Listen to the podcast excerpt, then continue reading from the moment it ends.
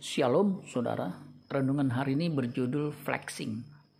Lukas 9 ayat 57 sampai 58. Ketika Yesus dan murid-muridnya melanjutkan perjalanan mereka, berkatalah seorang di tengah jalan kepada Yesus, Aku akan mengikut engkau ke mana saja engkau pergi. Yesus berkata kepadanya, Serigala mempunyai liang, dan burung mempunyai sarang, tetapi anak manusia tidak mempunyai tempat untuk meletakkan kepalanya. Ada seorang di tengah jalan, seorang ahli Taurat ingin mengikut Yesus. Ia ingin menjadi murid Sang Mesias.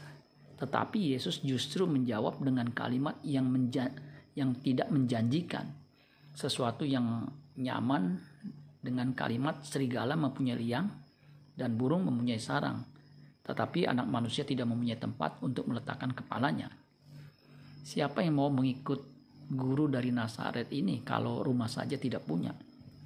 Sebenarnya yang diajar yang ingin diajarkan Tuhan Yesus adalah mengikut Tuhan bukan untuk mendapatkan berkat materi, punya rumah bagus, hidup enak dan nyaman.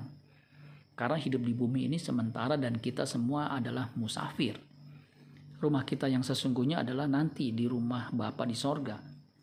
Jadi fokus kita adalah perkara yang di atas.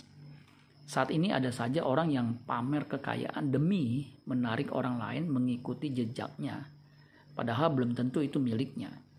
Mengikuti apa yang dilakukannya yaitu bisnis tertentu yang sangat menjanjikan keuntungan besar sehingga bisa membuat kaya seperti dirinya. Itulah tindakan flexing. Flexing merupakan sebuah istilah yang memiliki arti pamer kemewahan.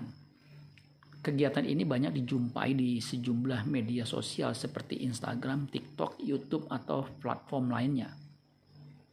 Flexing dilakukan dengan cara menggugah, mengunggah kemewahan atau hasil pencapaian yang dimiliki seseorang. Aksi flexing dilakukan untuk mendapat opini dari publik bahwa dia adalah orang yang mampu, Padahal belum tentu demikian kenyataannya. Orang Kristen tidak boleh mengelabui orang lain demi mendapatkan pengikut. Jadilah seperti Kristus memberi teladan dengan ketaatannya.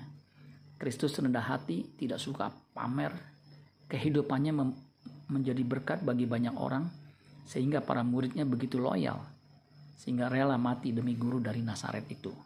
Amin buat firman Tuhan. Tuhan Yesus memberkati. Sola Gracia.